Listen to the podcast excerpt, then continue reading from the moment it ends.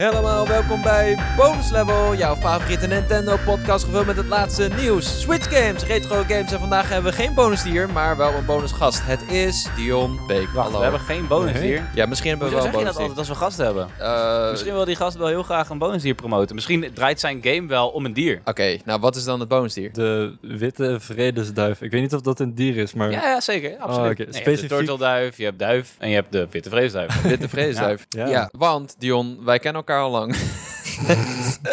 nee, nee, Ik ja. ga heel veel slachtoffer worden van inside peak humor vandaag. Ja. Peek humor. Ja, nee, nee, goed. eh, het heeft lang geduurd, maar we wilden jou heel lang op de podcast. Dion Peek, mijn broer. Maar nu hebben we een goede gelegenheid. Jij hebt eh, een game uitgebracht op Steam, Bloody Hell. En het draait om een vogel, specifiek een witte vredesduif, duif, Druif. die Satan eh, moet verslaan in de hel. En daar gaan we het vandaag over hebben. Hebben wij nog feitjes over de duif? Eh, hebt zeker. altijd Je hebt feitjes. vijf duiven in eh, verschillende duiven. Ik heb niks voorbereid eigenlijk. Geen Maar- Nou, wat ik weet over de duif eh, is ehm, dat ik niet goed genoeg in de mic praat. Dat weet ik vaak over duiven. Maar nee, om dit, ja, ik heb geen feitje over de duif momenteel. Wat ik wel weet is dat het een soort van de vliegende rat wordt genoemd. ja. Het is ook een heel populair dier om te houden. Alleen er zijn nog geen wetten specifiek voor het onderhouden van je duiven. Wat er in Den Ja. Haag in specifiek voor zorgt dat er heel veel rattenoverlast is. Omdat eh, de hokken van duiven die zorgen ervoor dat er heel veel ratten komen. En toevallig mijn, in mijn oude huis, de overbuurman is uit huis gezet. Omdat hij heel veel duiven. En dan ging hij ook hoe, ging hij hoe, ging hij zo naar ze toe. Op begin was dat heel ongemakkelijk voor mij. En keek zo uit mijn raam en dan zag ik hem zo hoe. En dan keek hij me zo aan en keek snel weg. Maar toen ik daar vijf jaar woonde was het gewoon, toen keek ik hem gewoon aan. En zat hij gewoon full aan te hoeën, terwijl hij mij begroette. Maar die is uit huis gezet vanwege zijn duiven. Door de ratten. Oh, wauw, oké. Maar dit is geen stadsduif, dit is de, de, de vredesduif. Dus heel Vredesduif. Ja, dit is een andere, een moordlustige vreesduif. Gaan we het zo over hebben. Oh. Dion, wat is de beste Nintendo game ooit gemaakt? Ja, je hebt gevraagd of ik erover na wil denken. En ik, ik Dat heb mag niet. Oh, je moet het uit. Je moet. Je, Oké, je hebt er nooit over nagedacht, Je toch? hebt, maar dit is toch wel een Nintendo game waarvan je denkt, die is echt heel goed. Ik, de, de eerste waar ik aan denk was Mario Odyssey. Oh, oké. Eh, ja, ja. ja.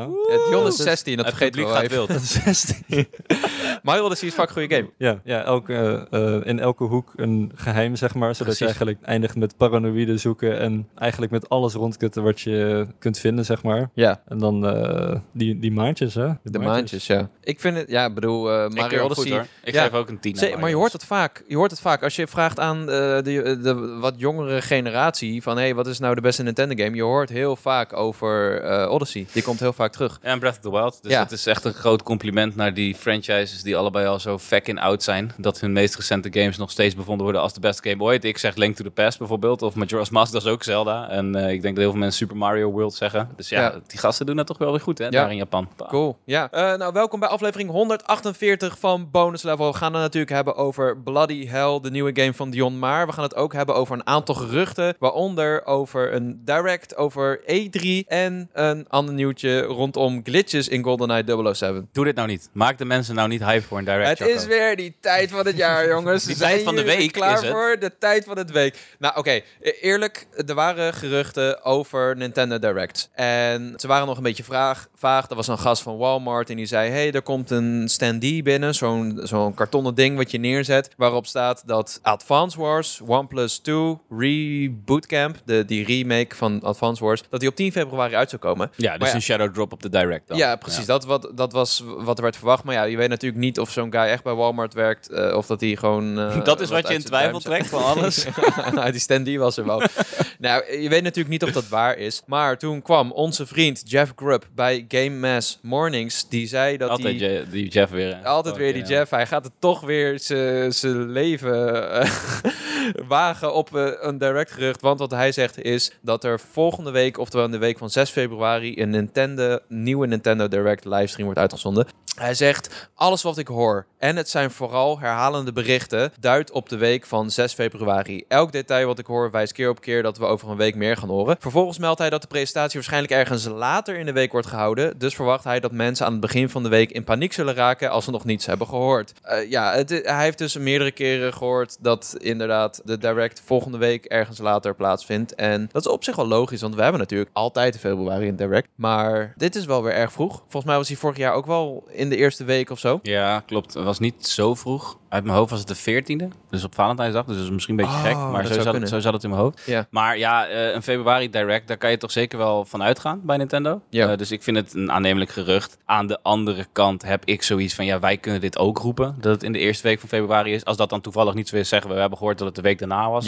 En dan kan je gewoon heel februari voorlullen. Zijn maar drie weekjes, dus een schrikkeljaar niet. klopt. Dus, eh, ja. dus dat is altijd wel iets waar je rekening mee moet houden. Maar het is wel logisch. Zeker omdat we dus niks op de horizon hebben. We hebben geen stipje op de horizon. eh, daar leidt bonus level onder. Dus geef mij die fucking direct. En het, ik hoop niet dat het in specifiek 10 februari is. Aangezien wij dan eh, met een dekentje op een bakfiets ergens in Friesland eh, Ja. onszelf aan het... Ja, wat een Vermoorden goed zijn. idee is dat. Ik moet 100 kilometer in twee dagen fietsen. Nee, je moet zitten. Dat is nog veel erger. Nou ja, ik ga ook fietsen. Ja, jij denkt dat Martin in de bakkie past. Ja, ja, hij zei ik pas erin. Oké, Nou, ja, maar als die, bak, als die bak kapot gaat, dan eh, wordt Pringles boos. Ja. Je kan toch gewoon prima gewoon lekker zo op je fiets zo een beetje, beetje de direct kijken. Nee, dat kan niet, want we spelen Oh, dus ook een Pokémon game in de bak. Ah ja, dan doe je dat ook gewoon Nou, even context. We, we hebben dus een campagne met Pringles. We gaan de Elfstedentocht fietsen in twee dagen. Helemaal knettergek in Friesland. Eh, maar ik hoop dus niet dat het direct die dag is. Maar als hij zegt later in de week, dan vermoed ik donderdag. Ja, donderdag is direct laat. dag, hè? Dat is een feit. Ja, maar oké, direct. mm, Stel wij vinden volgende week plaats, want we hebben niet echt meer tijd om te speculeren. We- wat willen we zien? Dion, wat willen we zien? Ja, eh Zelda natuurlijk. Zelda. Ja. Wat wil je nog van Zelda zien, zeg maar? Is er nog iets waar je, waar je over twijfelt of zo? Eh, ik weet het niet. Ik, ik zou het niet weten. Nou, ik, heel eerlijk gezegd, ik zou het liefst helemaal niks meer willen zien van Zelda, behalve de precieze release date. Volgens mij is die er nog niet, toch of wel? 14 Ja. mei? Exact? 12 mei, 12 12 of mei. 19 Oh, mei. wow. Een van de twee. Oh, nou, dan kunnen ze allemaal... ik- Oké, dan wil ik het liefst eigenlijk gewoon niks zien van Zelda, want ik wil die game gewoon vanaf het begin gewoon ervaren en gewoon een beetje de trailers vermijden. Ja. Dat vind ik veel leuker eigenlijk. Wel mee eens hoor. Ja. Weet je nog dat ze, daar hadden we het deze week ook over, weet je nog dat ze voor, toen die nog op de Wii U uit zou komen, een stream deden van een uur of zo? Wat? Oh ja, zeker. Of ja, misschien ja, wel langer was hij, twee- Ja, zeker. Dat, dat was ooit een... 12 een soort- mei is het inderdaad. Sorry. 12 Ja. mei, ja. Hoe kunnen we het vergeten? We hebben het er elke week Ja, over. ik zei 14 mei, maar dat is wel dichtbij. Ja, Hm. maar eh, In ze, mijn defense.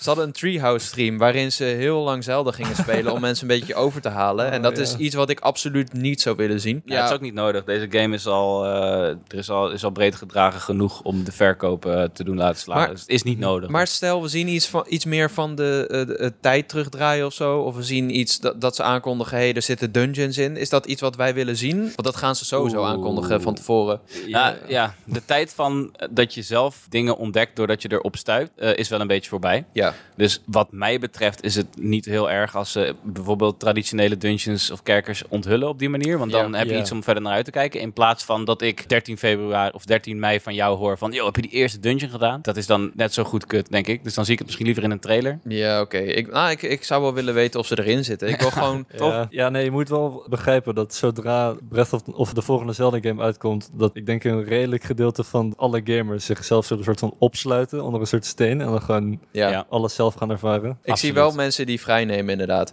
Eh, dit is wel, dit is wel de, de ultieme game... Ja, jij hebt vrijgenomen. Ja. Eh, het is wel de ultieme game om te reviewen, denk ik. Hoe bedoel je? Nou, de- stel... Gewoon überhaupt? Of men? Of nou, dat je in een vacuüm, zonder dat allemaal dingen voor je worden ontdekt op Oh, YouTube. Ja, ja, ja zeker. Dit aan de wel- andere kant is het ook wel een beetje intimiderend als je zo'n grote game Ja, eh, ik dacht in twee nog weken aan. tijd moet reviewen. Ja, ligt eraan hoe vroeg we hem krijgen. Ik zat er nog aan te denken. Wie van ons gaat die game reviewen? Want het is wel... Het is een klus, man. Het is een flinke klus, ja, Ja. absoluut. Want ik weet nog wel dat bij de vorige... Bij Breath of the Wild... moesten we ook nog de Switch uitlenen aan mensen. Ja, Oh, dat weet mij, ik ook nog. Ik weet nog wel dat eh, Erwin had hem volgens mij voor Gamer gedaan. Simon had hem voor Instant Gamer gedaan. En voor Pu... Jurjen, denk ik dan. Ja, denk ik ook. Ja, maar die, die Switch die moest echt fysiek daar naartoe worden gebracht. Want die Switch die was gloednieuw. Die was nog niet eens uit. Dus dat was echt super secret. Dus Wauw. zit je dan, zeg Damn. maar, onder je dekens. Ja, je kan hem ook niet op de Wii U gaan reviewen. Nee, nee, die waren er volgens mij ook niet eens, die codes. Altijd de gordijnen dicht als je gaat spelen, Ja, dat niemand kan spieken. ja nou, dat hebben Dion heeft me wel eens erop gewezen. ja, dat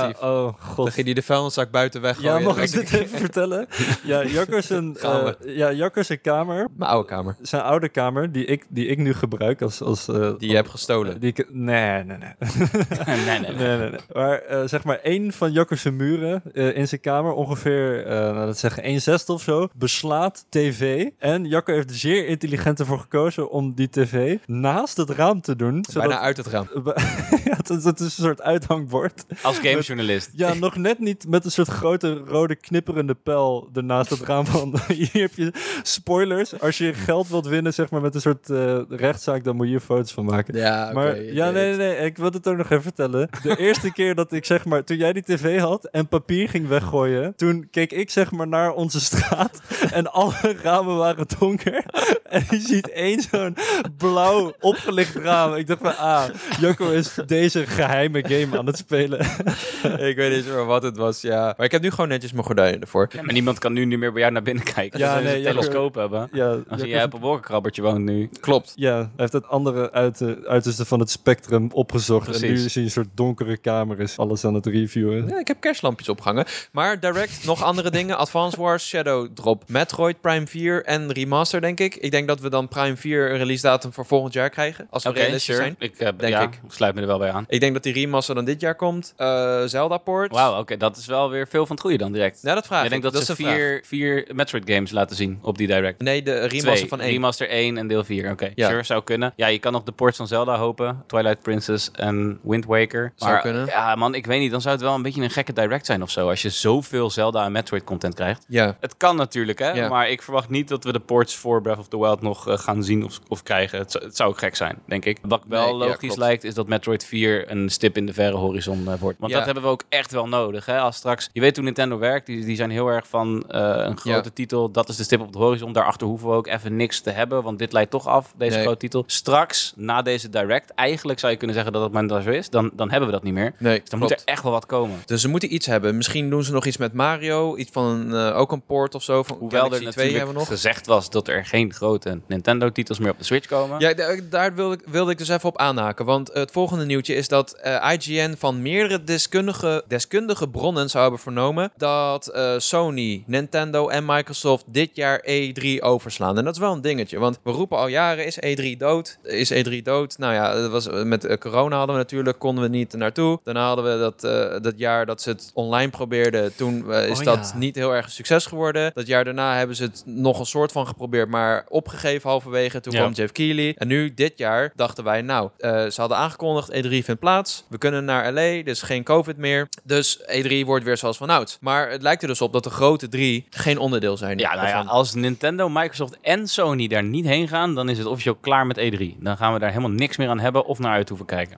Is het gewoon klaar. Ja. Dan is het gewoon klaar. En ik vind het lastig om nou op een eh, bericht van IGN daar vanuit te gaan dat dat zo is. Ja. Aan de andere kant, het is natuurlijk al wel enige tijd zo dat niet alle drie aanwezig zijn. Ja. Er wordt steeds, hij werd ook voor corona wat vaker geskipt. Ja. Wat was de laatste aanwezigheid? Wie waren er toen van de grote drie? PlayStation was er al niet meer. PlayStation was er al een tijd niet meer. Eh, Microsoft is er altijd wel bij, maar die staat niet op de beurs. Maar die heeft daar de Microsoft Theater. Dus die houdt daar een showcase. En je kan er met je E3-pas ook gewoon naar binnen. Daar kon je die games spelen. En Nintendo, die had dan geen fysieke showcase natuurlijk. Maar die was al echt op de beurs aanwezig. En die had ook wel altijd een en sikke stand. Ja, ja. ja. Dus dat is wel een ding. Maar eh, waar ik, eh, nog even, wat ik nog even wilde noemen is dat IGN dus ook vernomen zou hebben, net als eh, VGC en net als Games Industry, dat Nintendo inderdaad geen grote games meer zou hebben na Zelda en dat een aanwezigheid op de beurs het niet zou waarborgen, zeg maar, rechtvaardigen. Dat is wat ze zeiden. Dus dat is waarom ik ook denk dat we voor deze aankomende Direct misschien eh, Onze verwachtingen onze moeten verwachtingen een ja. beetje bij moeten stellen. Oh. Ja, het, weet je wat het nare eraan is? Het is de februari direct. En die is altijd goed. Die is altijd goed.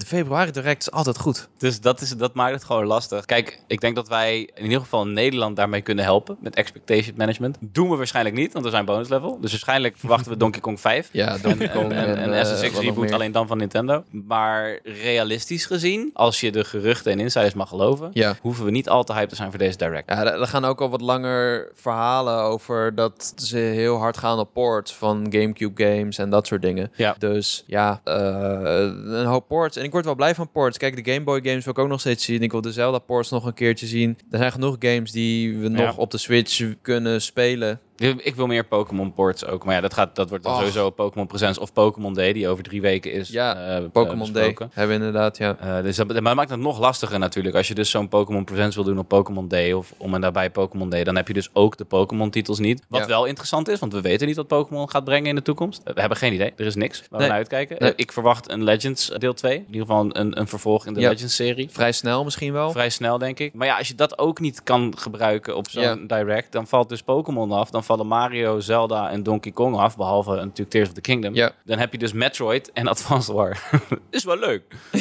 ja, nee, dit- ze moeten wel nog iets hebben, denk ik. Ja, wat, ja, maar, ja, wat dan eigenlijk? Want misschien een DLC voor Switch Sports of zo? Of, of, of... Die- We hebben sowieso niet eigenlijk echt superveel van Zelda eigenlijk nog gezien, toch? Nee, we hebben korte trailers, trailers, alleen. ja. Ja. Dus ik, ik denk dat ze inderdaad vooral gaan richten, zich gaan richten op Zelda. Wat ik wel nog zie gebeuren, is een Mario Partytje. Vrij kort ook. Ja, Mario Party? Ja, dat zie ik nog wel gebeuren. We- want het is natuurlijk ja. heel opvallend dat ze toen voor Superstars geen DLC hebben uitgebracht. Iets wat een gegeven leek, want het was de verzamelgame met alle eh, eh, sp- spelletjes van de vorige eh, consoles. Sorry, Superstars was de, de Zeg ik het nou nieuwste. Ja, de Super toch? Mario Party en Superstars. Ja, ja, Superstars, Superstars was is de de nieuwste, ja. Ja. ja. Ik heb ze allebei gereviewd, dus ik haal het altijd door elkaar. Ja, ik ook. Eh, maar Superstars leek de perfecte live service Mario Party game te gaan worden. Ja. Ehm, en dat is nooit gebeurd. Dus Nee. dat, dat is altijd wel een beetje blijven hangen bij me van... Goh, wat zou dan het idee daarachter zijn? Ja, nou, de- de- hij verkocht heel goed. Super Mario Party verkocht heel goed. Dus ze dachten, weet je, we Dus maak je beginnen een nieuwe, toch? Nieuw, ja. En ik zat ook te dat, denken... eh, nu. Daar heb je niet per se betere hardware voor nodig. Nee, en ik zit ook te denken dat ze misschien wel eh, iets met Animal Crossing aan het doen zijn. Want Animal Mm. Crossing is natuurlijk na Mario Kart 8 Could it be? de best verkochte game. En het zou stom zijn om daar niks mee te doen. Een spin-off en dan een nieuw deel bewaren voor de volgende Switch. voor ie, hè? volgend jaar of zo. Super Mario Party met Animal Crossing. Oh, ja, goed. Ja, dat ga ik, dat ga ik maken. Dat ga ik maken. Ja, Ik- doe het, gast.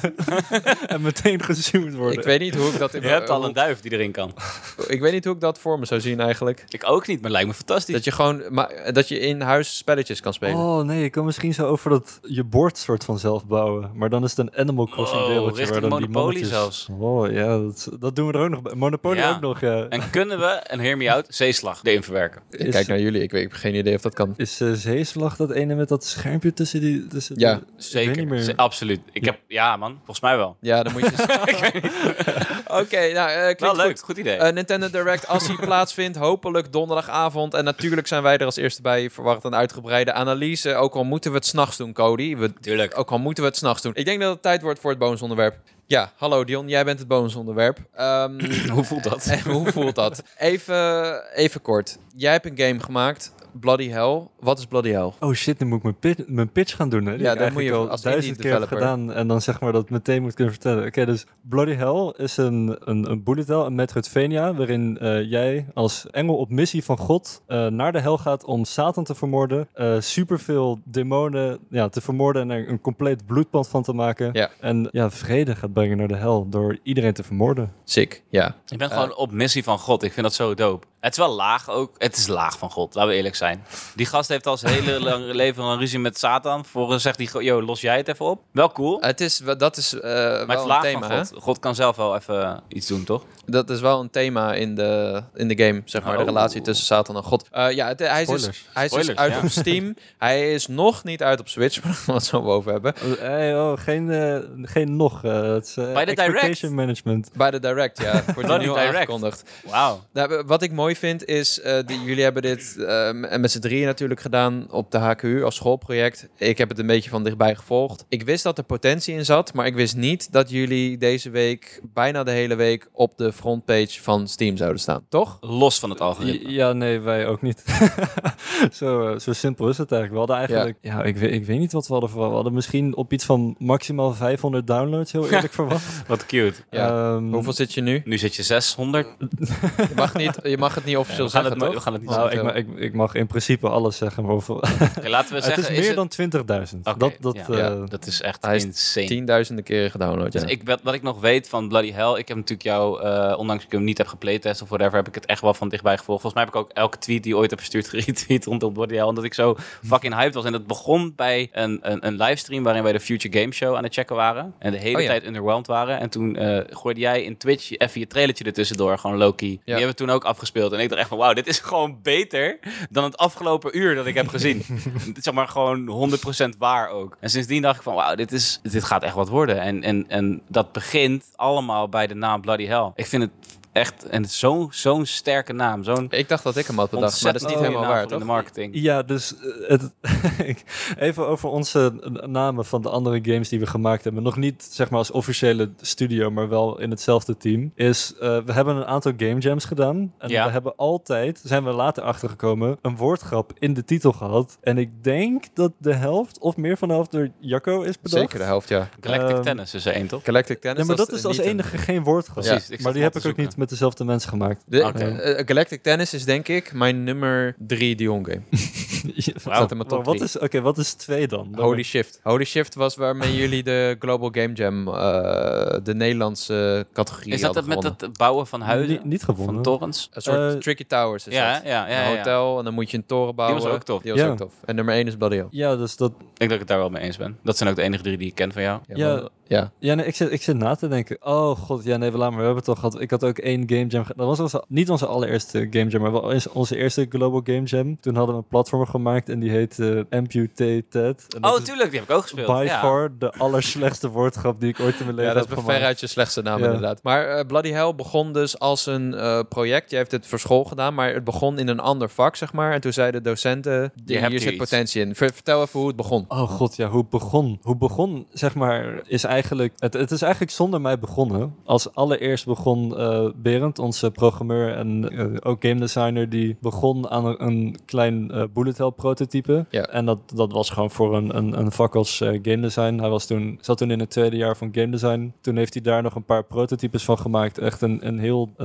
de meest basic bullet hell. En toen kwam hij erachter dat hey, het is eigenlijk best wel makkelijk om snel een bullet hell interessant en leuk aan te laten voelen. Ja. En uiteindelijk zijn we toen samen in een team van drie, vier, vijf toen nog. De overige twee hebben jullie opgegeten natuurlijk. Ja, ja, ja. Ja. Eh, nee, nee, maar we, eh, eh, dat was voor vlak voor de vorige zomervakantie. Ja. En toen hadden we, dat, was ook, dat was ook die trailer waar, wat je zei, Ja, ja. waar we die toen van hadden gemaakt. En dat was toen het eerste, onze eerste poging om eigenlijk een, een bullet hell en een Metroidvania zeg maar te, te combineren, die twee genres. Ja, want dat gebeurt niet heel Ehm, vaak. Nee, Berend die, die zegt heel vaak dat wij de allereerste zijn. En ik, ik, vind, ik ben er altijd zelf nog wel sceptisch over om te zeggen dat we de aller, allereerste zijn. Maar we zijn wel soort van de allereerste op, op Steam. De, de eerste semi-succesvolle Ja, eh, nou, tenminste. ja, en zeker in deze tijd zou je veel eerder verwachten dat je die Metroidvania met een roguelite gaat combineren. Want dat is aan. Precies, ja. Dat is Ja. wat mensen doen. En ik denk juist dat jullie daar echt wel eh, een gaatje hebben gevonden. Ja, maar ik Ja. wist dus eerst ook niet... Ik kwam maar zeer laat in het ontwikkeltraject achter dat het ook een Metroidvania was. Ja, Want ik focus me heel erg op, eh, op het bullet hell gedeelte. Je hebt dan je hebt die vogel en je, je kan schieten en je verzamelt dan upgrades. Eh, het is allemaal bloederig, je moet veel ontwijken, je hebt een dodge. Maar eh, ehm, de, de upgrades die je verzamelt, die, zijn, die openen dus ook letterlijk nieuwe paden. En dat duurde even voordat ik erachter kwam. Jouw dubbel dodge is niet alleen dubbel dodge, maar je kan ook verder over eh, obstakels of eh, door voor afgronden, dat Ja. je andere platformen kan bereiken. Er zit een, een grapple hook in waarmee je ook bepaalde dingen kan bereiken. En zo, Wat natuurlijk echt piek Met- Metroidvania is. ja, een laser Ja. waarmee Ja. je die blokken kan kapot maken. En zo open je nieuwe paden. En er zijn dus ook een hele hoop optionele dingen. Dat was, het duurde even voordat het bij mij klikte van, oh ja, ik moet ook echt op de map gaan kijken, die ik eh, eerst ook niet gebruik. Mijn eerste playthrough eh, gebruikte het map niet, omdat ik niet wist dat er een map was. I- Dat is niet helemaal ja, duidelijk. dat was niet. Ja, nee, sorry.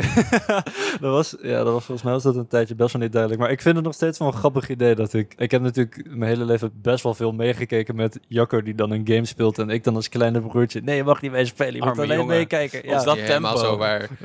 nee, ik moest altijd meekijken. Ik mag nooit meespelen. Nee, valt wel maar. Maar ehm, eh, eh, ik, weet, ik denk dat de mensen van bonus level... Ik neem aan dat je ze het een keer verteld hebt... dat je eigenlijk niet heel goed bent in de weg vinden in videogames. Oh ja, dat heb ik wel En dat verteld, ik ja. vaak Jokkers navigatie werd. En ja, het is eigenlijk wel, wel mooi, vind ik dat het eigenlijk mijn eerste echte Steam release, een game is waarbij je voornamelijk echt de weg moet gaan zoeken. En die Ja. gaat over ontdekken als een soort van eh, specifiek gemaakte hel voor Jacco eigenlijk. Ja, ik, ben- ik ben ook niet zo heel goed in 2D-games. Dat is ook een beetje... Oh, ja, ja, dat was, dat was Het ook ding. de tweede grap die we in het spel hadden gestopt. Ja, dat het maar- 2D was. Maar eh, eh, begrijp ik het goed? Want eerst, het is, het is dus een bullet hell Metroidvania geworden. Maar je hebt aan het begin, helemaal aan het begin, ook een hoop inspiratie uit Splatoon gehaald. Want Ja, het is dat- een hele bloederige Daar game. kwam ik dus, wilde, dat was een van mijn dingen die ik wilde zeggen. Ja. Ja, ja. Nou ja, je hebt heel het nu veel al gezegd, maar dat, dat ben ik dus mee eens. Ja, het voelt heel... Dat, dat, is de, dat is de reden waarom ik wel... Ik ben eh, gisteravond aan de game begonnen, uurtje of negen of zo. Het werd veel te laat. Omdat ik er echt in werd gezogen, het, het voelde heel... eh, wat je bij twee games, 2D games vaak hebt, is dat pixels vrij vast zijn. Een kill is gewoon een kill en dan sterft het. En hier er gebeurt wat met je map. Je map die komt wat meer tot leven doordat al die spetters er zijn. En toen, dat deed me dus een beetje denken aan Splatoon. Ja, Inderdaad. maar het was toch het idee dat je eerst daarin kon zwemmen? Dat, Ja. ja. Ja. klopt. Ja, nee, maar dat, dat miste ik dus. Ik zat daar uit te zoeken hoe dat moest. Want ik heb dat gezien in een trailer, weet ik zeker. Ja. Waarom is dat eruit? Dat was zo cool. Ja, dus dit, dit zat in de, de Bloody Hell eh,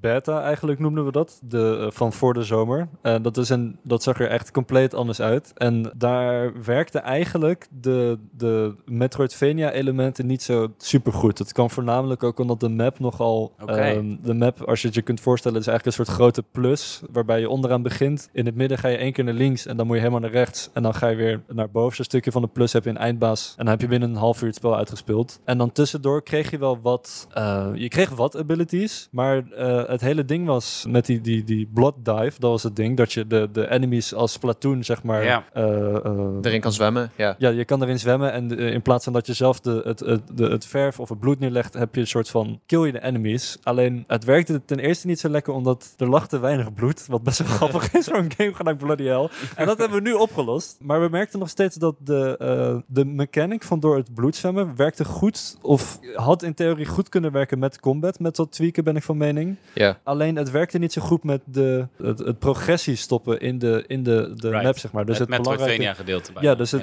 wij waren echt op zoek naar mechanics waarbij je upgrades hebt die eigenlijk goed werken in combat en je op een unieke manier de, de map laten doorbewegen. Dus misschien was het eigenlijk misschien zelfs een beetje te overpowered, de Blood Dive. I- eh, een beetje. Ik denk wel dat het, als, een, als iets overpowered is, is het niet moeilijk, denk ik, om het makkelijker of, eh, of zeg maar ja, zo eh, technisch minder. ben ik niet, maar... Ja, maar de Spatters Bloed is nu vooral een aesthetic iets. Ja. jij, jij hebt vooral aan de art gewerkt. Jouw, jouw studie is eh, game art. Maar waar, waar, waar ik wel... Wat ik me afvraag, hè, want er zitten heel veel. wa- Wat ik van jou leer, is dat er heel veel kleine dingetjes in games zitten. die het goed laten voelen. We hebben het altijd over het gevoel van games. Een, een screen shake, bijvoorbeeld als je wordt geraakt of schiet Ja. of zo. Wat, wat, hoe maak je een bullet hell shooter of een game in het algemeen? Hoe laat je die goed aan- aanvoelen? Wat zijn van die kleine dingetjes waar je dan op let bij het eh, designen, het programmeren, de art, de animaties? Ja, je hebt inderdaad een hele hoop, zeg maar, hele kleine dingetjes. En ik denk voornamelijk dat de timing van animaties, dat merk ik zelf tenminste, dat dat het, het belangrijkste is. Het, het af en toe echt stoppen van eh, een animaties op een, een, een groot effect. Ik denk dat nou, misschien een aantal van jullie luisteraars misschien ook wel de, de, de YouTube-channel van eh Sa- Sakurai is het geloof ik, van de Smash Bros. Oh ja, ja, ja zeker. gezien? Ja, daar heeft hij ook eh, heel veel video's gemaakt over Gameview en eh, hoe het zit met timing en Ja. eh, effecten. Maar ja, goed, echt de, de, eh, in bullet hells tenminste, de, eh, de, eh, het gewicht van een, een, eh, iets wat tot, tot stop komt, zeg maar, of iets anders in beweging brengt op zeg maar, het meest abstracte niveau. eh, daar is eh, de timing en het, het af en toe even stilzetten en het laten schudden van het, het, het scherm, zeg maar, de, de makkelijkste manier om Ja. iets goed aan te laten voelen. En Ja. dan, ja, naarmate je zeg maar heel veel specifieker wordt per interactie, ga je wel wat meer moeten kijken en nuance moeten hebben van wat er belangrijk is van hoeveel, ja, hoe noem je dat? Eh, de, de- energie en resources je Ja, ergens aan ja. kwijtraakt en wat er allemaal op- op- verder op het scherm nog gebeurt ten gevolge van zeg maar als je iets vermoordt of raakt zeg maar. Ja, ik kan me voorstellen dat er dan ook dat er een hoop experimentatie is. Dat er een hoop misgaat of zo. Tijdens development. Ja. Oh, Heb je, heb, oh ja, ja, er gaat een hoop mis. heb, je gekke, heb je gekke dingen meegemaakt? Uh, oh ja, echt een hoop. Ja, nee, ik zit nu na te denken. Wat is echt het, het, het, allerge ja, oké, het allergekste wat we hebben meegemaakt, en ook wel eigenlijk het allergrappigste, ehm, is dat we eh, in onze game hebben we dus een hele hoop collectibles liggen die je voornamelijk eh, helpen om door de wereld heen te komen. Ja. Mhm. En uiteindelijk heb je ook, of wilden we ook wat collectibles hebben die je gewoon kunt verzamelen. En als je ze allemaal hebt, dan krijg je nog een extra reward. Zodat we eigenlijk nog de hele wereld konden volproppen. De kippen bedoel je? De kippen, inderdaad. Ja, Dus je kan kippen een- verzamelen. in de hemel is er een kippenmoeder. Die is er eh, kippen kwijtgeraakt. De kippen, nou, het zijn eigenlijk, het zijn niet eens kuikens. Het staat helemaal nergens op eigenlijk. Maar goed, het zijn babykipjes. Ja? En die is er kwijtgeraakt in hel. Die zijn allemaal in hel gepleurd. En dus die kan je dus vinden. Als je in een kamer komt, dan heeft een uh, en dan hoor je een kip zitten. en dan moet je die vinden. En dan eh, zit die kip in een koordje. Ja. Je schiet je het koordje verrot, gaat hij naar de hemel. En dan heb je een kip bevrijd. En dan staat Ja. er rechtsbovenin van één van de 18 kippen. Ja, Nou, het ding is dus, er zijn 18 kippen in de, eh, de hel. Staat er rechtsbovenin, zou je zeggen. best wel veel. Maar wat blijkt nu na de release, is er zijn geen 18 kippen in de hel, er zijn er 19. dus hoe dit is gebeurd, is vlak voor de, eh, nou vlak voor, ik denk een dag voor de launch of zo, eh, was eh, Guus, onze andere game designer, die was zeg maar, had alle scènes in Unity opengezet Ja. om te kijken en te tellen van hoeveel kippen zitten er in de game. Ja. Heeft je telfout gemaakt? Hij kwam uit op 18. dus toen, eh, want we, dachten eerst van, oh shit, er zijn maar 17 kippen zitten er in Bloody Hell, dus we moeten er nog één toevoegen. Dus toen, hij telde de de eerste 17. Dat was het ding. Hij telde de eerst 17 Toen heeft hij nog een keer en geteld. toen heeft hij er één, nee, toen heeft hij dus niet meer geteld. Hij heeft er één toegevoegd. Ja. En toen, dit, dit is gewoon een feature, gast. Vroeger ja, had je heel vaak dat je meer dan de doelstelling kon halen. Bij Donkey Kong heb je ook niet, eh, zijn, ik weet niet hoeveel het precies zijn, maar 500 bananen zijn er 502. Zo gaat dat. Ja, Dat is goed. is dat zo? Juist. Ja, ja, zeker. Ja. Oh. Ja, En je je hebt ook- bijvoorbeeld bij eh, Crash Bandicoot heb je, kan je 100% halen, maar het echte doel is om 106%. ja, ja, dat bedoel ik. Serieus? Ja, je kan inderdaad in heel Oh. veel games. Maar Dus het is gewoon een feature. Dat is een feature. Ja, en ik zit er nog wel over na te denken om. eh, ik beloof nog, nog zeg maar geen content updates. Ja. Want dat gaat waarschijnlijk toch nog een tijdje duren. Maar we zitten erover na te denken als om als je de negentiende gevonden hebt, dat die kippenmoeder dan zegt van, oh nee, deze is eigenlijk helemaal niet van mij. Heel maar goed, ik, ja, neem hem, man. ik neem hem wel over. Ik op 10. Ah, en dat oké. moet dan, die guy, hè, die kip, dat wordt natuurlijk de bad guy van deel 2. Maar hij, Bloody hell hij, 2. is, hij is kut, want hij heeft de hele De tijd niet de 19e leef- kip. liefde gekregen die die andere 18 kippen wel kreeg. Ja, Op een gegeven moment denkt van, weet je wat, ik ben het zat. En dan wordt hij eigenlijk misschien wel een goede kip. ja, dat zou sick zijn. die gaat die- mini- minimaal als NPC. Moet hij ergens, nog, Alsjeblieft, ergens ja. nog terugkomen. De, negen, de 19th chicken. Ja, dat, ga, dat ga ik doen. Misschien wordt hij wel shopkeeper, kan ook. Oh. Sh- Shopkipper.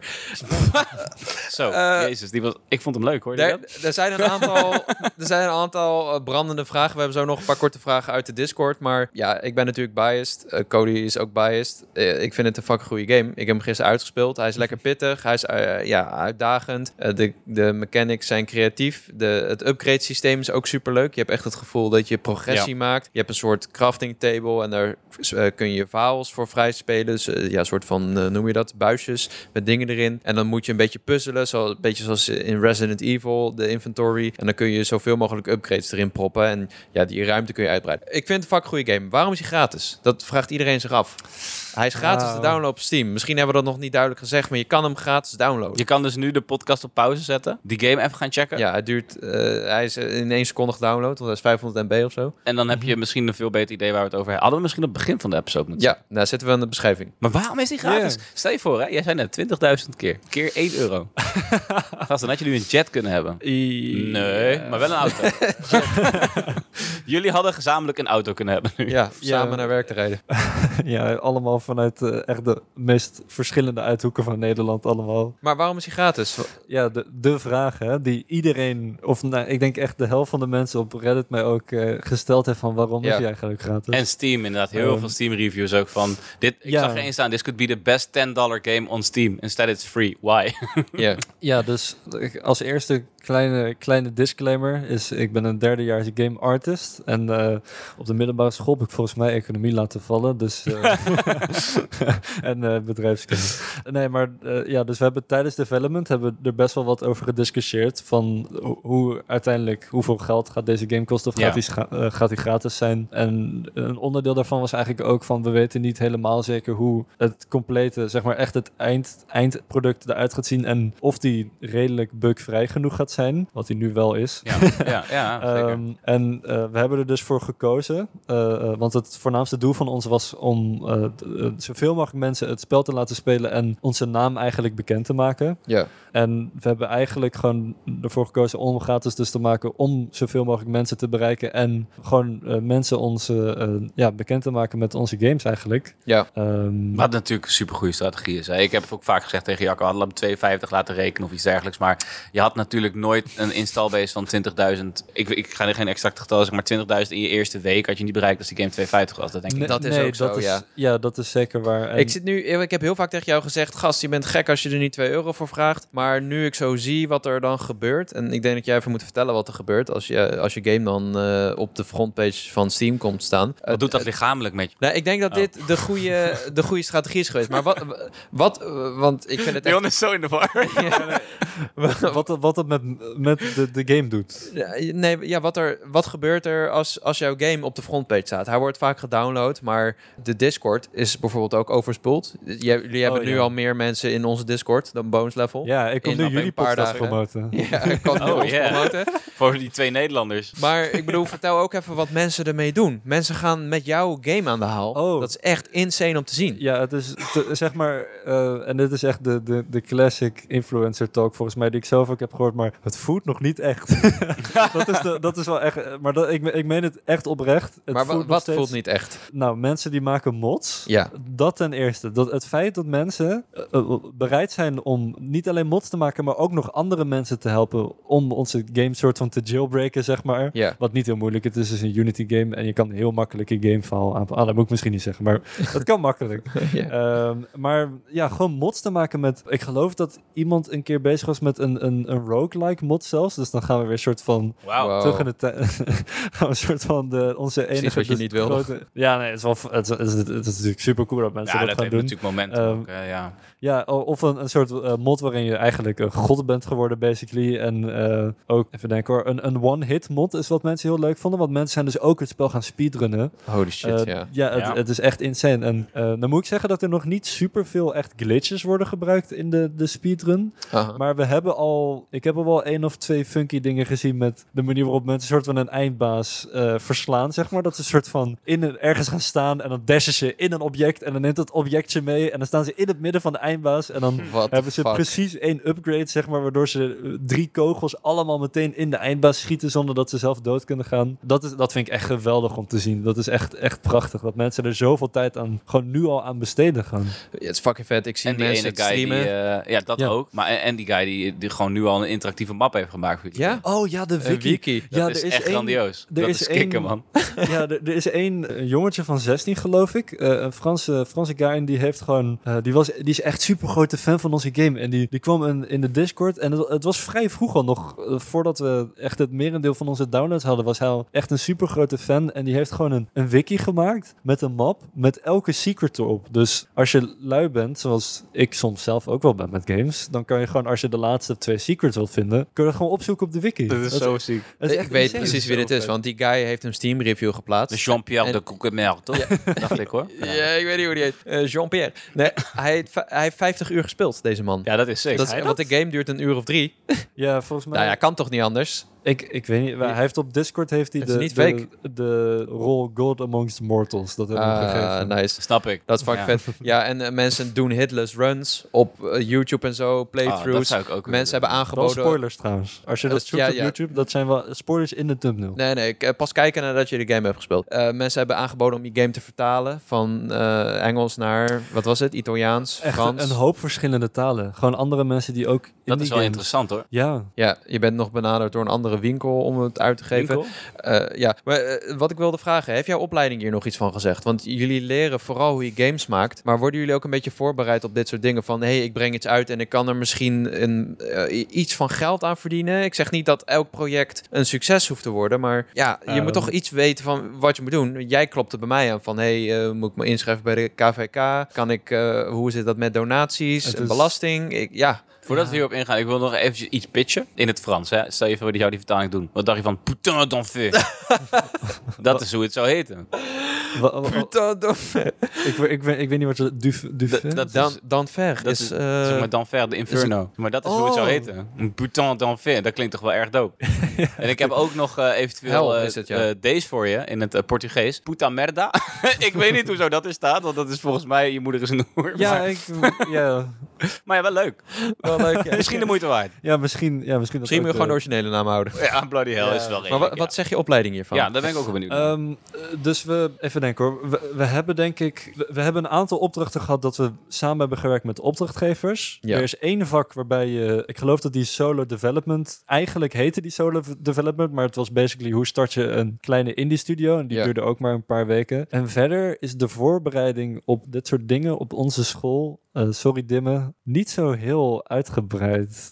het is best wel maar dat, dat is een beetje de stijl van de HKU, moet ik zeggen. Van, je krijgt een opdracht, je krijgt een thema en je wordt in het diepe geflikkerd met een paar groepsleden. ja. En dat is hoe, hoe zeg maar, dat moet ik toegeven, daar leer je wel het meeste van. Maar denk Ja. je dat je misschien ook de verwachtingen van je school hebt overtroffen met Bloody Hell? Hogeschool Kunsten Utrecht. Nou ja, in ieder geval die van mijn doc- docenten. Ja, want ik denk Eh, ook dat je misschien niet verwacht direct als docent zijnde dat je een, eh, een, een groepje opleidt dat een game uitbrengt binnen een week 20.000 plus Nee, downloads en, en het is ook wel een ding, want je moet hier dan ook wel echt voor gaan. Want je kunt, je kunt ervoor kiezen om, als artist zijnde, is het naar mijn idee een veel, het, is veel, veel beter. Je, je komt veel makkelijker ergens als je als artist je eigenlijk focust op één specifieke, ja, of stijl of een gedeelte van een, een development proces, zeg maar, Ja. geloof ik. En het ding daarmee is, is eh, en dat, dan ga je iets meer richting triple E. Ik denk dat het merendeel van de mensen van de HKU volgens mij niet per se triple E gaan doen, maar alsnog wel in een iets grotere studio gaat werken, waardoor je. Onderdeel wordt van een machine, ja. nou ja, ik weet niet of je dat...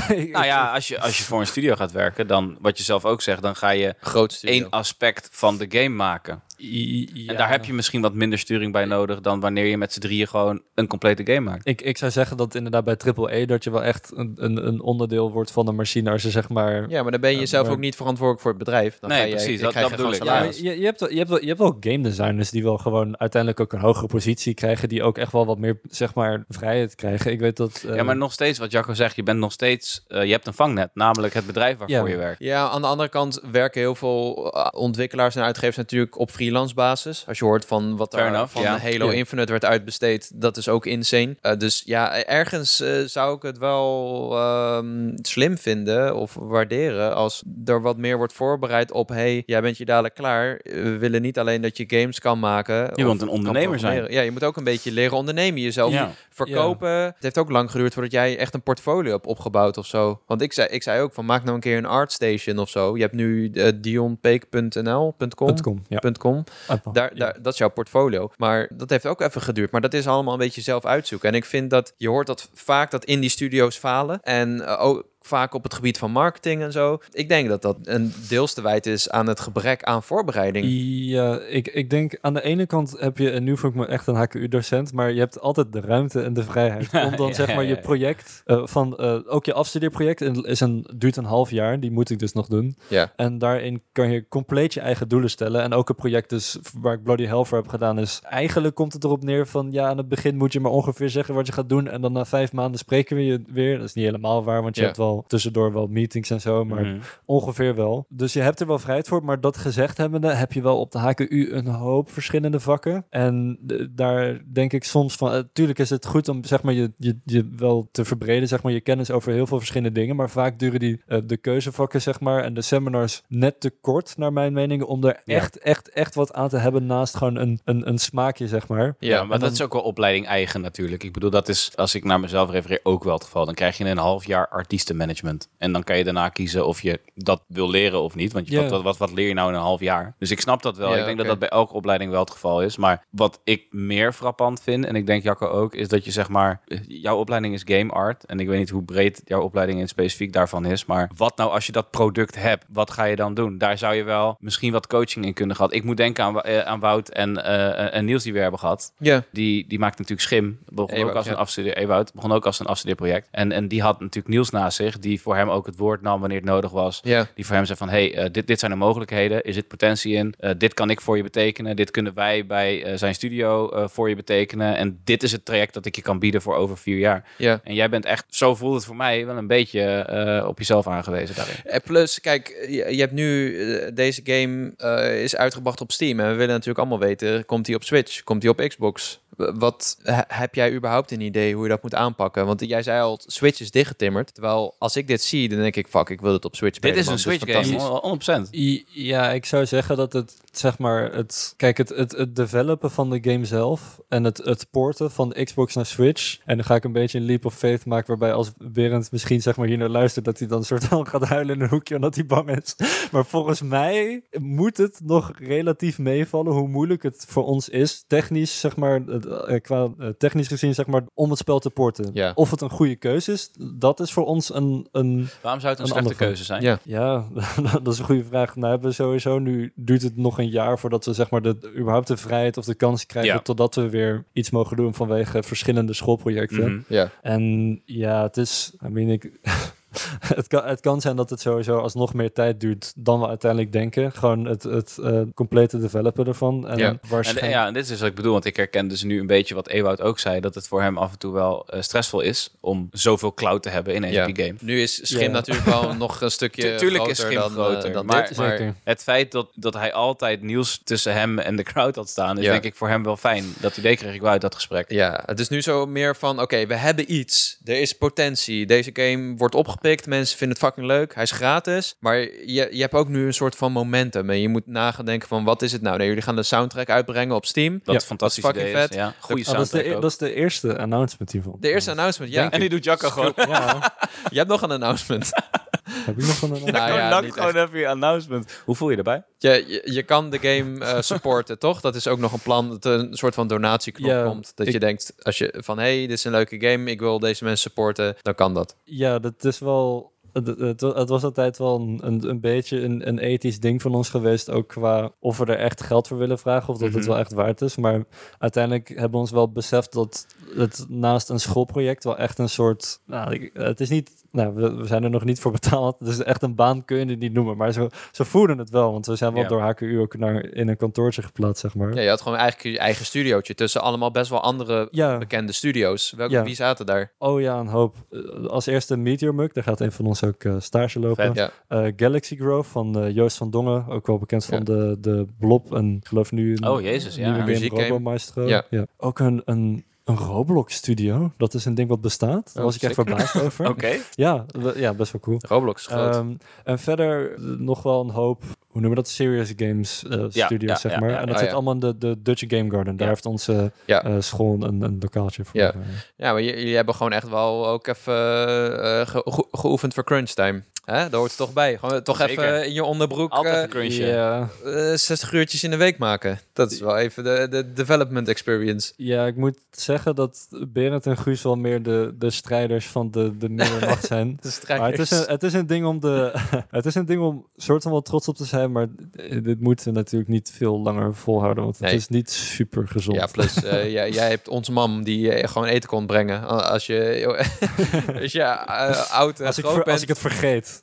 Ja, dat is natuurlijk ook nog wel zo, ja. ja. dan, dan moet je dat allemaal zelf doen. Ja, Hey, nee. Ik heb nog één vraag van Momenski, die wil ik nog even doen. Oh. Eh, die zegt, hey, hallo Dion. Ik heb de ontwikkeling van de game in een eerder stadium gezien. Toen had je net de bloedeffecten af en je Oh, zag eigenlijk vooral een kerkeromgeving. Inmiddels zag ik de trailer en waren best veel smaken bijgekomen wat betreft omgevingen, effecten en mechanics. Ik kan me voorstellen dat je eerst een basis legt en erop verder bouwt. Mijn vraag is, nadat je zo'n basis hebt, hoe bepaal je wat je gaat toevoegen en hoe weet je wanneer je moet stoppen met dingen toevoegen? Hoe kom je op het moment dat je weet dat het voldoende is? Thanks, Momenski. Leuke vraag. In het Discord. Ja, dankjewel. Ja, ik heb hem net gezien, hè.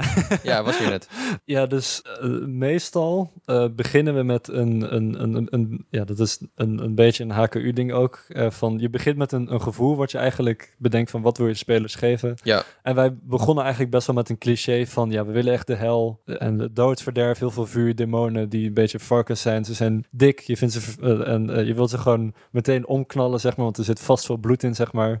Ehm, en verder gingen we daarna dus kijken van, ehm, want je begint in dat eerste gebied. Ja. Eh, wat een beetje cliché is. En uiteindelijk nou, vond ik het zelf best wel saai worden. Want ja, we, Het is heel erg rood. Het is heel erg grauw. ja, je hebt het duizend keer gezien, zeg Ja. maar. Eh, en dan gaan we meteen kijken van eh, wat wil je eigenlijk, of ja, wat, wat kunnen we eigenlijk nog, nog meer doen? eh, wat soort van binnen het gevoel past van hel, maar qua visueel niet meteen cliché is. Maar eh, ja, dus, dus best wel gewoon ja, een, stukje unieker. Ja. Ja. Ehm, en ja, toen hebben we eigenlijk meteen betekend dat eigenlijk gewoon een, een hoop dingen googelen en op, op Pinterest bijvoorbeeld zoeken en dan een Mhm. soort groot eh moodboard eigenlijk maken voor wat eigenlijk een beetje inspiratie gaat zijn en de stijl voor, on, eh, voor in onze game. Toen hebben we gekeken naar eh, hoeveel areas zouden eigenlijk nodig moeten zijn om je een, een gevoel te geven van dat je echt progress door het spel, want dat is belangrijk. Je moet echt dingen Ja, ontdekken. Zeker. Ja. En eh, ja, want je, je gaat uiteindelijk Satan verslaan. En het idee is dat, dat je echt op een, een andere plek bent gekomen. Echt emotioneel gezien, zeg maar. Eh, of tenminste dat de omgeving dat doet denken. Ja. Dan, dan dat je begon, zeg maar. Je moet echt een, een, een, een journey hebben gemaakt. Mhm. En ja, dan eigenlijk met gewoon een, een paar kleine soort van mock-ups, een paar kleine nep screenshots van het spel hebben we gemaakt. En ja, gewoon van de verschillende gebieden eigenlijk, gewoon om te zien van, Ja, is dit anders spelen, thematisch ja. genoeg? En eh, kunnen we ook een gebied hebben bijvoorbeeld waar je, die je echt, echt moet vinden, die je eigenlijk compleet eh, kunt missen? Dat wilden we heel graag hebben eigenlijk in het spel, dat je iets, echt iets speciaals vindt. Eh, Ja. het, het, het, het lab, die kun, die kun je vinden. Juist. Optioneel. Ja, eh, Goed ja, verstopt ook wel. Ja, nou moet ik zeggen dat veel Je mensen... moet, nou ja, je moet echt wel tegen de deur, tegen de muur aanlopen. Ik zat, hè, je moet iets zijn, maar ik zie het niet. En toen was het opeens van... Ja, het is, het is een beetje, eh, het, het is een beetje bedrog. Maar heel eerlijk gezegd, eh, hier, zo gaan we, hier zo ga ik nu de, de open, open praten van. Het is een geheim, maar we hebben het echt, echt heel duidelijk gemaakt. Ja. Zeg maar, en heel veel mensen vinden het. Maar we hebben wel, als je in het geheim loopt, een leuk geluidje gedaan. Ja, En maar dat is het, het ding gevoel van beloning. is echt ja, dus, belangrijk. ja. dus het, dat wilden, we wilden eigenlijk... En iedereen denkt van, ah, ik heb een geheim gevonden natuurlijk. Ja, het, het, is, het zit ook wel verstopt, maar het is wel... Ja, nee, maar dat is. Je begon deze aflevering met zeggen dat Odyssey je favoriete game is van Nintendo. Dus dat, dan moet je zeker zoiets doen. Ja, absoluut. Ja, Ja. Ik, ik denk ook dat ik aan Odyssey dacht trouwens, omdat puur Ja. gewoon eh, het een game is waarbij je ook gewoon in elk hoekje eigenlijk paranoïde, wat ik al zei, van ga zoek, gaat zoeken naar, naar, naar eh, geheimen. En ik moest denken aan een streamer die toen aan het eind van het spel was gekomen eh, en eh, zonder al te veel spoilers. Bloody hell. Ehm, ja, van, van Bloody Hell, ja. Ja. En, en die, eh, die ging uiteindelijk gewoon langs elke muur in de laatste paar kamers Ah, lopen. nice. En toen zat ik te kijken, oh, er zitten eigenlijk niet super veel secrets meer, maar het is een vrij grote kamer. Dus toen dacht ik van, ja, we hebben mensen echt getraind nu om een soort van tegendra... I mean, gamers doen dat nu van, zeg maar, van zichzelf al eigenlijk vaak om, als er ergens een licht op schijnt, maar dus echt een donker ja. duister Ja, ganger- ja. gangetje aan de zijkant, dan gaan ze eigenlijk liever naar het donker duistere gangetje, sommige mensen ja, natuurlijk. mooi is dat. Eh, ja. Ik, ik vind wel mooi ook die Odyssey filosofie. En je proeft natuurlijk ook eh, een beetje van Enter the Gungeon en zo. Je proeft een Ja. beetje van Doom. Je proeft een beetje Hollow Knight met het eh hartsysteem dat je je hield en zo. Ja, en wat ik, eh, ik heb ook een vraag nog. Nu het hebben over games waar het je aan doet denken. Het, is, het ligt ver van Spelunky vandaan, dat weet ik. Spelunky heb ik natuurlijk zwak voor. Hetzelfde geldt voor Vagante. Dat zijn twee, eh, misschien ken je ze allebei niet. Zo te zien niet. Spelunky wel, Spelunky ja, ken ik ja. wel. ja. En wat ik heel tof vind aan die games, en dat is misschien iets wat ik, ik wil niet zeggen miste, maar ik denk dat daar nog een hele, best wel een kans ligt voor jullie, is om een soort van optionele quest door de hele game te verstoppen. Dus je hebt bijvoorbeeld in, eh, in het eerste gedeelte moet je dit item verzamelen. Doet Spelunky heel goed. Tweede wereld moet je dit item verzamelen. En als je dat allemaal doet, wat het misschien extra moeilijk maakt, dan speel je misschien een ander einde vrij. Of whatever. Ja, Zoiets eh, is voor de replayability van een Bloody Hell denk ik heel tof. En Ja. dat is eigenlijk iets waar ik dus instinctief naar op zoek was. Omdat het me dus Ja. ergens wat deed denken aan Spelunky, Vagante.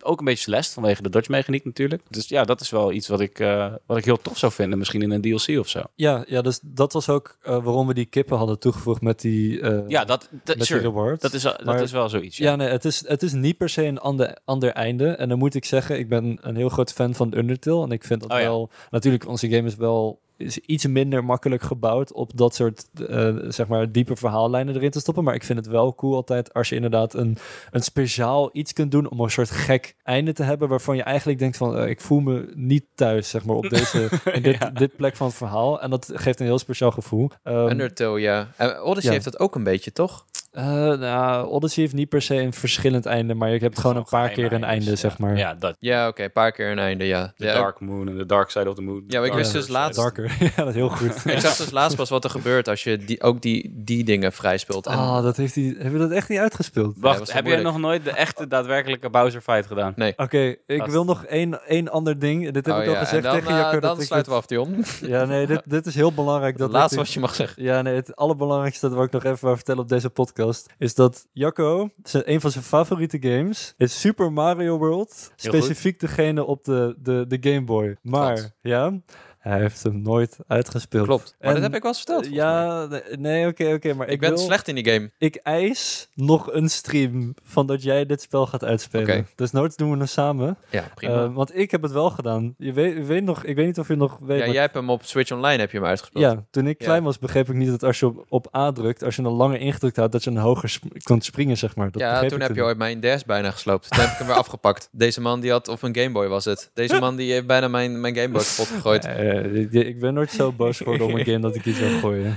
Super Cool. Mario World op de Game Boy Advance. Ja, ja, Super Mario World eh, Twee. Advance. eh, ja. Ah, ja, het is een, een soort van eh poort met wat... eh, hij, is, hij is net iets anders volgens mij. Oh, wat vet joh. Ik ga je heel eerlijk zeggen dat ik niet wist van het bestaan van Echt? deze game. Ik heb hem twee keer, zelfs. Ik dacht dat je Super? Mario World Ja. op de SNES bedoelde. Nee. Maar dit is een soort van port daarvan. Ja, Super Mario. En er zat ook een soort van arcade versie bij. Oké, Ja. dope. Want eh, inderdaad, Super Mario World is ook zo'n voorbeeld. Wat Odyssey nu ook heel goed doet. Dat blijft lonen, dat blijft belonen. Je hebt natuurlijk de Star Ja. World. Nou ja, enzovoort, enzovoort. Het is- Ja. Dat is kicken, man. Dat is echt Heel veel kicken. bonus levels. Heel veel bonus Ja, levels. oh. Dit is letterlijk waar het vandaan Oh. komt. Ja. Ja, goed. Heel goed. Eh, Pun intended, hè? Dion, Precies. pun intended. Zo heet je studio. Ja, we moeten nog heel veel plug doen. Maar eerst, eh, thanks Dion dat je er was. Ik vond het echt leuk om over je game te praten. Mocht je weer een game lanceren of zo, zeker op Switch. Of mocht de Switchport uitkomen, dan gaan we het gewoon Oh yeah, weer doen. Switchport. Eh, waar kunnen mensen jou volgen als ze de, games, eh, de game en jou willen volgen? Ehm, Bloody Hell op Steam. We zetten de link in de beschrijving gratis op Steam. Binnenkort misschien dus ook op een ander platform. Eh Pun Intended Games is jullie studio. Ja, daar hebben we nog niet, nog niet een... eh, of een, we gebruiken daar nog geen eh, eh, eh, Twitter... of- Twitter-account ja. voor ja. Je hebt, eh, je hebt ook een Instagram-kanaal en een TikTok-kanaal voor Bloody Hell.